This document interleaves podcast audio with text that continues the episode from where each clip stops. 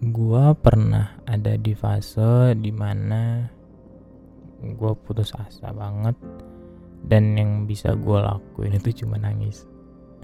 Dan jujur di saat-saat itu nangis melegakan buat gua. Karena nangis ngebantu gue untuk nggak bengong. Karena nggak tahu sih ini aneh banget. Kenapa gue bisa kayak gitu? Karena kalau misalkan gue bengong gue overthinking jadi ya udah gue ngebiarin diri gue sedih. Sampai akhirnya sampai akhirnya gue belajar untuk menahan diri gue untuk bukan menahan sih lebih tepatnya kayak mengontrol menguasai diri lagi. Gue belajar kalau misalkan gue nangis gue inget mau sampai kapan Jones lu begini terus? Gitu. Gue gue tipe orang yang mengencourage diri gue ketika gue lagi sedih atau ada yang gue pikirin. Mau sampai kapan? Ayo dong.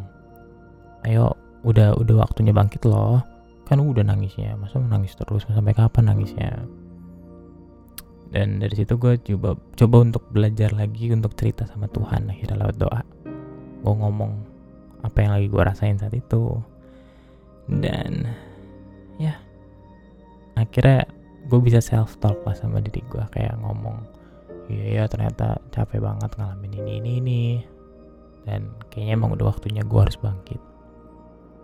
Gitu. Dan apa ya ketika gue mencoba untuk nggak memaksakan diri gue mencoba untuk nggak terlalu keras sama diri gue dan mencoba untuk ngebagi beban gue sama Tuhan gue perlahan bisa bangkit jadinya.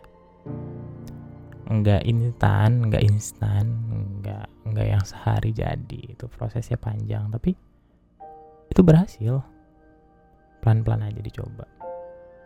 Gue selalu begitu sih kalau misalkan gue lagi coba untuk apa ya ibaratnya untuk move on move on dalam kesedihan maksudnya untuk nggak berlarut berla untuk nggak berlarut atau stuck dalam kesedihan.